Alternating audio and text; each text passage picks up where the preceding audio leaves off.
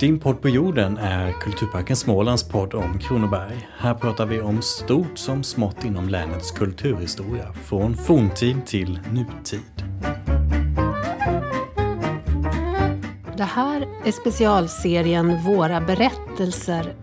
En serie avsnitt som utforskar erfarenheter av migration och att komma ny till Sverige. I podden samtalar två medverkande om hur det har varit för dem.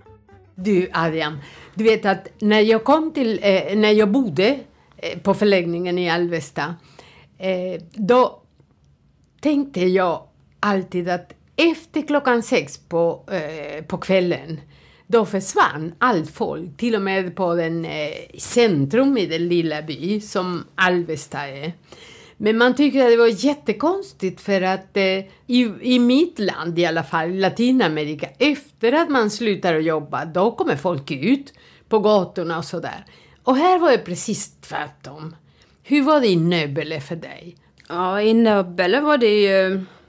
Alltså det är knappt man träffade på någon där eh, ute i samhället då. Eh, förutom de ungdomar och personalen som eh, var i HVB-hemmet. Så eh, man cyklade ju ut och ja, det enda man kunde träffa på och prata med var ju kossorna. Så det var dem du tränade svenska Precis. med? Okej, okej.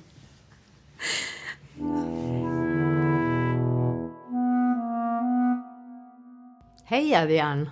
Hej Miriam! Hej! Vad roligt att vi sitter här. Ja, verkligen. Ja. Eh, kanske ska vi säga vilka vi är. Absolut. Jag heter Miriam. Jag är 73 år och eh, kommer från Uruguay och kom eh, 1977. Trevligt. Och jag heter Adja. Jag kommer till Sverige 2015 som ensamkommande och jag är 25 år gammal. Ja. Mm. Du Adrian, tänk dig, vi, vi sa, eh, jag är mycket, mycket äldre än du. Äntligen kunde jag vara din mormor. När vi tänkte på åldrar, eller hur? Ja. Ja, men eh, det är jag inte. Och eh, när jag kom till Sverige eh, tror jag att det var mycket annorlunda än när du kom. För när jag kom 1977 eh, kom jag redan som politisk flykting. Så det betyder att jag hade redan uppehållstillstånd i Sverige. Hur var det för dig?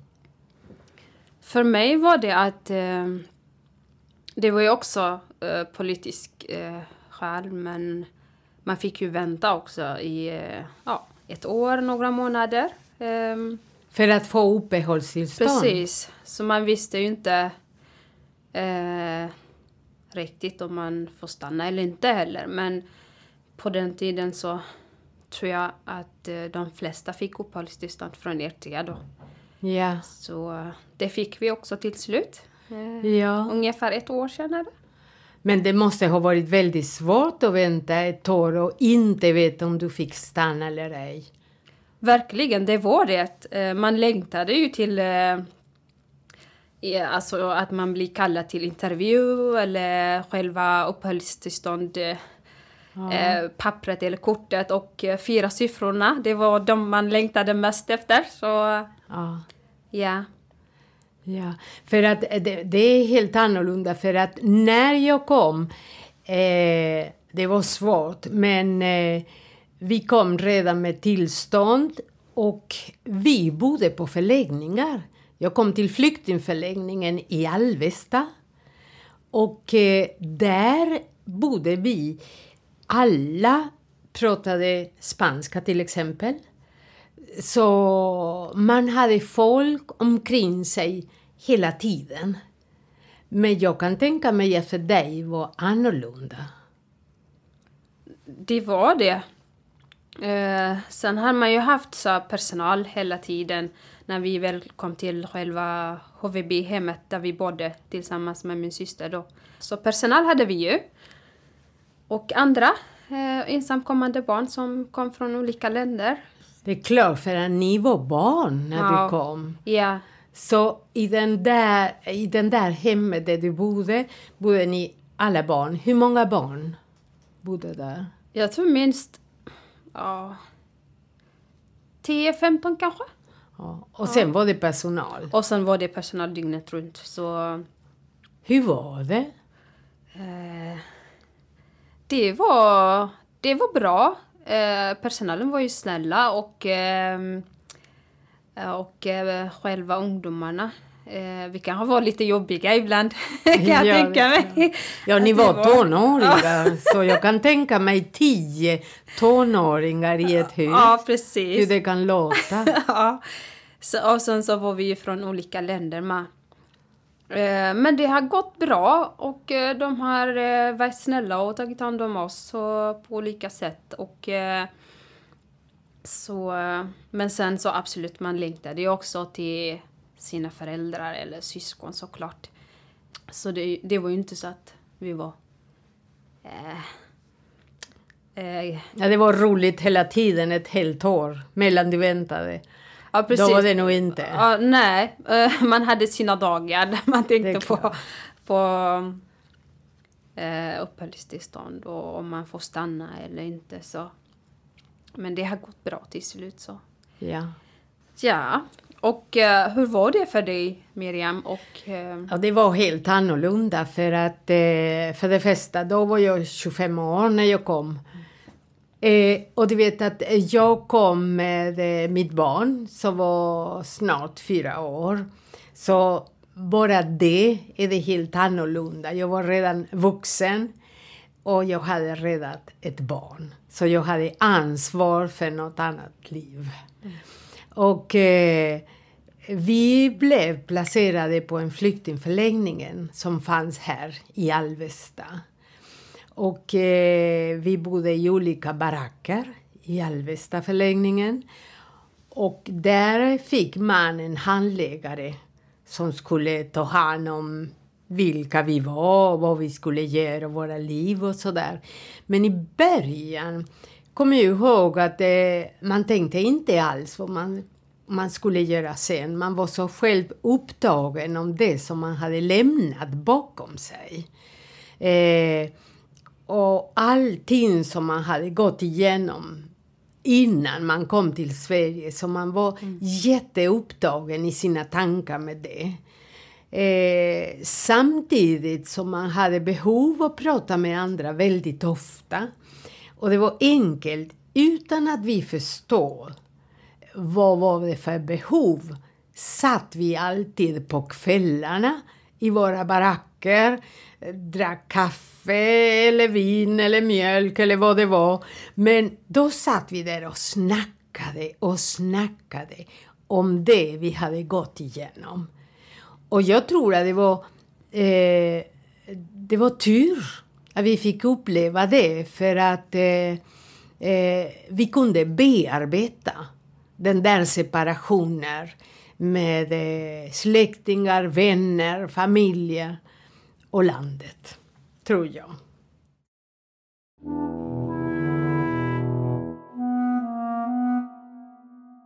Du Adrian, jag har tänkt på en sak. Eh, jag kom 1977 och du kom 2015.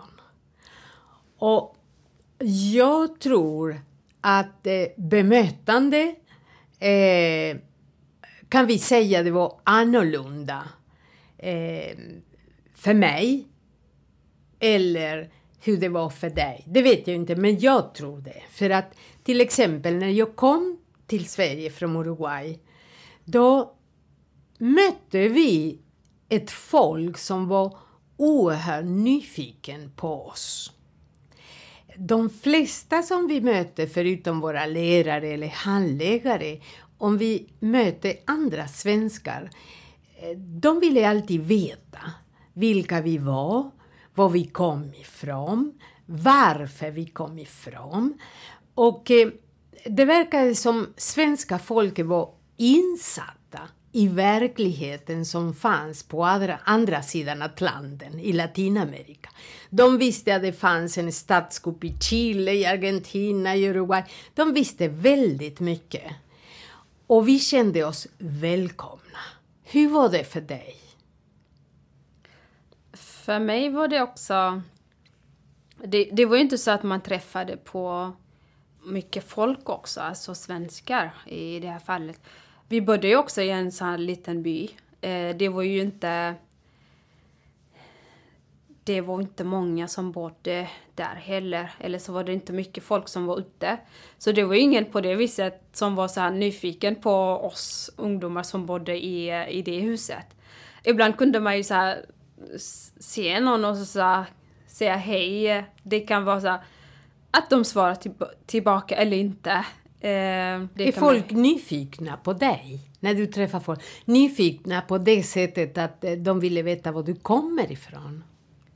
Ja, det, det frågade eh, folk men sen är det inte, inte alltid jag eh, ville prata om det heller. Nej, just det. Men eh, jag vet inte, man blir lite... Det är oftast att jag tog mig tillbaka till det... Eh, till den just resan som jag har ehm, gått eh, för att komma hit. Och den var ju Men, inte för, alltid... förlåt, förlåt. Ja. Menar du eh, när, när du tänker tillbaka att eh, när de frågar dig, Mm. tvingar de dig att minnas det du har lämnat? Är det det du menar? Att du inte vill berätta så? Det blir oftast en, så, en sån eh, känslig grej att prata om. Eh, ehm, jag berättade ju ändå, men eh, det är inte alltid det kändes okej inuti. Ehm, Nej, det är klart för att... Eh, och dessutom, man berättar inte allt, eller hur? mm, Man väljer vad man vill Ja. berätta. ja, Eh, det är sanningen ändå, men Mm. man, eh, man vill vara privat och man behåller sin integritet också. Mm, mm, Men jag tänker att det, eh, det kan bli känsligt för att eh, till exempel för mig om, eh, om jag har en bra dag och man frågar någonting om dåtiden, då är det inga problem. Men om man, i- om man är lite down sådär, om man är lite att man inte mår så bra och folk börjar peta och fråga på saker som, som gör ont, då, då kan det bli svårt. ja. De kan ju inte veta om det, om det är en, känslig grej att prata för min del. Men, mm. men jag har märkt att det nu det, på så här, det senare det senaste tiden också, åren då man har börjat så här, umgås med eh, eh, mycket folk, att man får frågan också.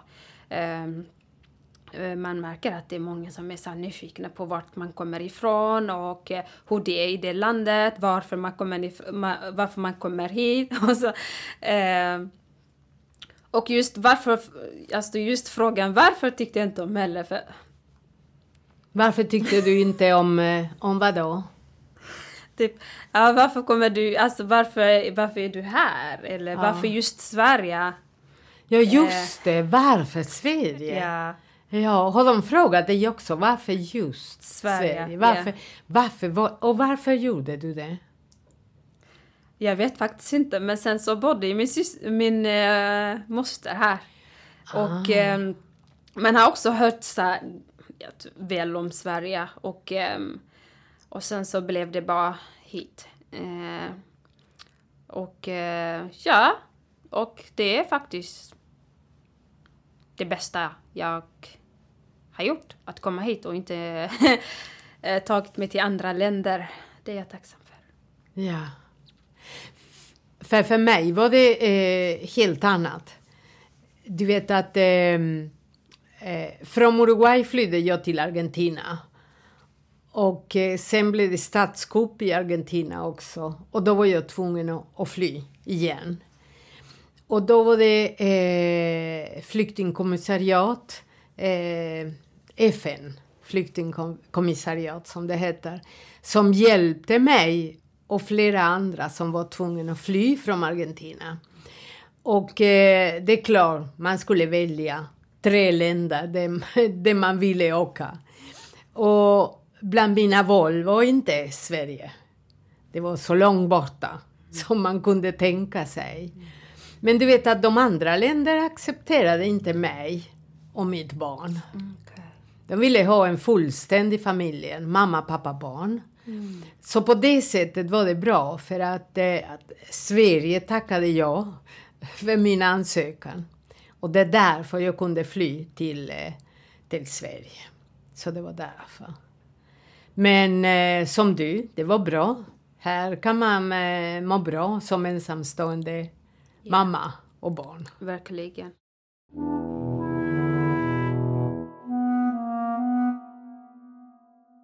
Du Adrian, du vet att när jag kom till, eh, när jag bodde eh, på förläggningen i Alvesta, eh, då tänkte jag alltid att efter klockan sex på, eh, på kvällen, då försvann allt folk, till och med på den eh, centrum i den lilla by som Alvesta är.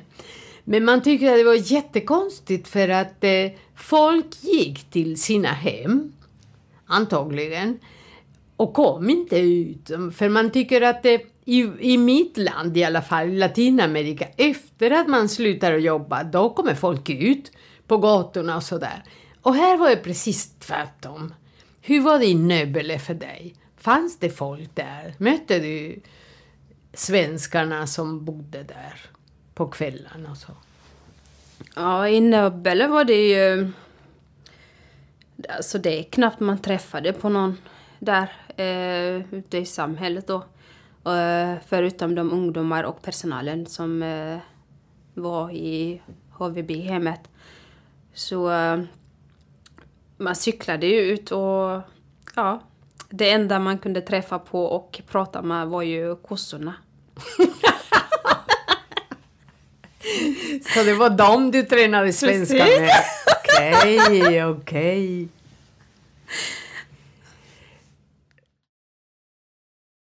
Men du Adrian, du vet att eh, jag tänker på den första tiden när vi kom. Eh, jag säger vi, jag och min son. När, när vi kom till förlängningen. Ehm, då var det dagar som var jättejobbiga. När man tänkte väldigt mycket på vad man hade lämnat bakom sig. Och då kunde man bli väldigt ledsen. Jag vet inte hur det var för dig, men, men för mig i alla fall var det så. Man kunde bli väldigt ledsen. Eh, ledsen. Och, eh, och det som jag tyckte var bra att man hade flyktingförläggningen när man kom, det var att eh, vi var flera. Vi var flera som talade samma språk. Vi hade ungefär samma bakgrund. Och kunde prata med varandra och fattade vad vi menade. Och eh, jag tror att det hjälpte mig, att det, dessa långa samtal som man hade. Eh, det var ett sätt att bearbeta allting som jag hade lämnat bakom mig. Hur var det för dig? För min del var det nog... Eh, alltså på boendet var, var det ju såklart personalen vi vände oss till. Eh, sen ehm, var, var jag också en sån som bara cyklar ut och... Um, och pratar med kossorna. Precis.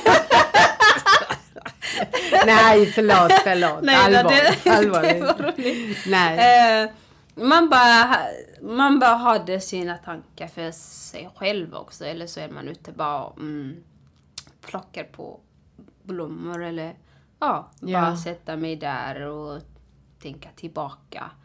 Eh, men eh, ja, men senare åren så blev det ju också att jag, eh, ja, man studerade ju, träffade folk. I skolan så var det ju sjuksköterskan som man vände sig till och ehm, den sjuksköterskan har varit, ehm, varit och är min ehm, vän. Nu var det ett tag sedan vi sågs men Eh, vi brukade ses och eh, ja, ehm, jag kunde berätta eh, det jag vill berätta och hon lyssnade. Ehm, och sen var det en familj i Lammhult som jag har träffat där när jag flyttade. Och de har varit min ehm, största trygghet här i Sverige kan jag ju säga. Hur träffade du dem? Jag träffade dem i um, kyrkan på en läxhjälp. Eh, Okej. Där träffade jag kvinnan. Eh, och sen dess så har jag eh, varit där mycket och firat eh, jul i flera år. Med dem? Ja. Så det är min lilla extra familj kan man säga. Vad härligt. Ja, verkligen. Så man har... De har varit min trygghet. Jag kunde bara berätta det jag kände också för dem och de lyssnade. Och jag fick vara mig själv precis hur jag... För att jag kan tänka mig att det var naturligt för att du gick på läxhjälpen. Och där träffade du dem och började prata med dem. För att annars, hur ska man träffa svenskarna? Det, det är en omöjlighet. Om man inte har ett arbete eller om man inte går i skolan och träffar sköterska. Men sköterska har inte, har inte tid eh, för alla. Nej.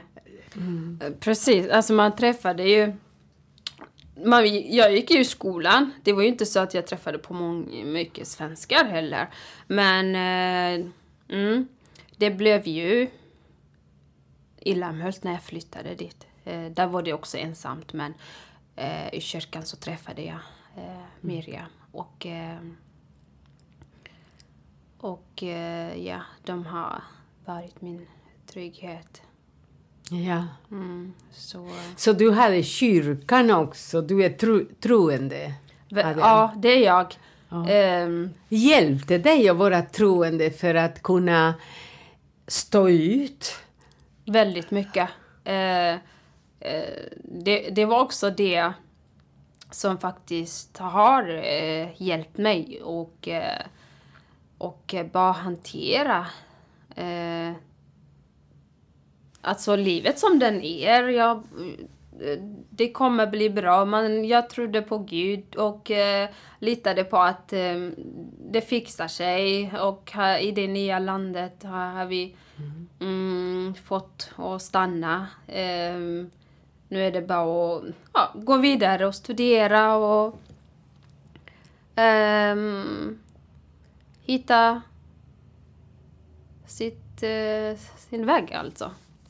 Så min Ja. troende har absolut ehm, varit en, en och är en Det har hjälpt dig. precis. Hela tiden. Ja. Ja, i, ibland känner man sig avundsjuk för att eh, jag är inte troende.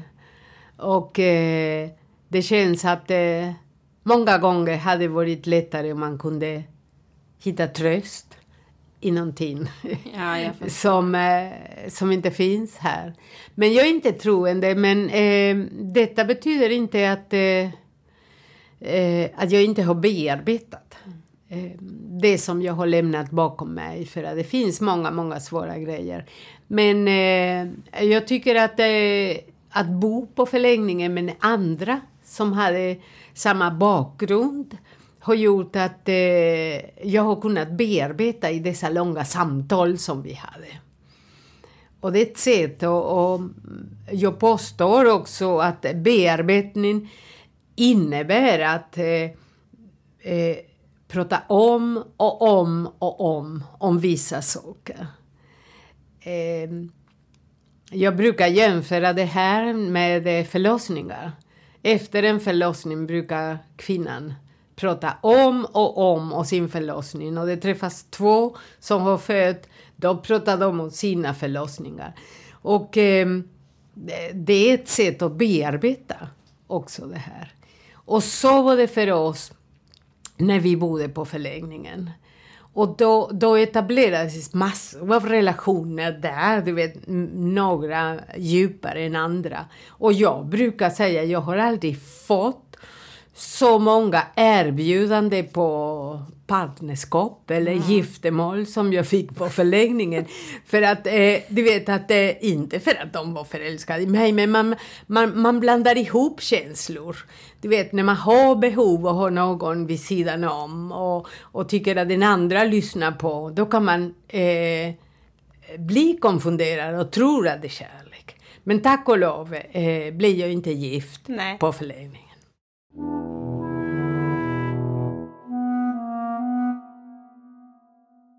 Adrian, jag tycker att det, det här var jättespännande. Vi har pratat om olika saker och jag har lärt mig en hel del. För att vi kommer från olika delar av världen, eller hur? Du kommer från Eritrea, jag kommer från Uruguay. Eritrea är ett land som jag inte hade en aning att det existerade när jag kom till Sverige för så många år sedan. Men nu kan jag väldigt mycket och du har lärt mig mer. Men jag... Jag är rätt gammal, eller hur? Och du är bara 25 år. Och jag är nyfiken nu, Adrian. Eh, hur ser du på livet nu? Vad är det du, vad är det du gör nu? Och vad, du, vad är det du önskar att göra med ditt liv? Ja, det är väl... Eh, Alltså jag vill ju... Jag vill se på livet som ett positivt och... Eh, som en positiv grej. Och, mm, sen så... Just nu så studerar jag ju lite och eh, jobbar vid sidan om. Ehm, Så du är väldigt upptagen. Du läser och jobbar? mm. Okej, okej. Det gör jag och ehm, sen vad jag vill göra sen eh, får vi se vad det blir. Eh, men såklart så vill jag jobba med något jag... ehm, Som du tycker om? precis. Mm, Jag vill gärna jobba med integration och eh, migration, folk. Eh, eftersom jag själv är från Ett annat land? Ja, precis det. Eh, så jag, mm, jag ser fram emot nästa steg i livet. Ehm, så ja. Och spännande för att eh, jag tror att det, det är jätteviktigt. Eh, precis som du säger, du kommer från ett annat land. Integration är ett jättestort problem som Sverige har och det har vi sett med allting som händer. Och jag tror att eh, det går snabbare att kunna förstå och kunna jobba med det här om man kommer från ett annat land. Det betyder inte att svenskarna inte kan jobba med det här och inte kan. Det är inte det jag menar. Men jag, det jag menar är att om man kommer från ett annat land kanske det går eh, snabbare att kunna sätta sig in och kunna fatta vad är den andra menar. Det är så jag tänker. Precis, det, mm, det känner jag också. För man har ju, alltså man har ju gått genom den resan själv också. Så jag tror det blir på något vis så blir det också lättare att förstå eh, folk med utländska bakgrund. eh, hur, hur, hur de har det eller hur de kan må.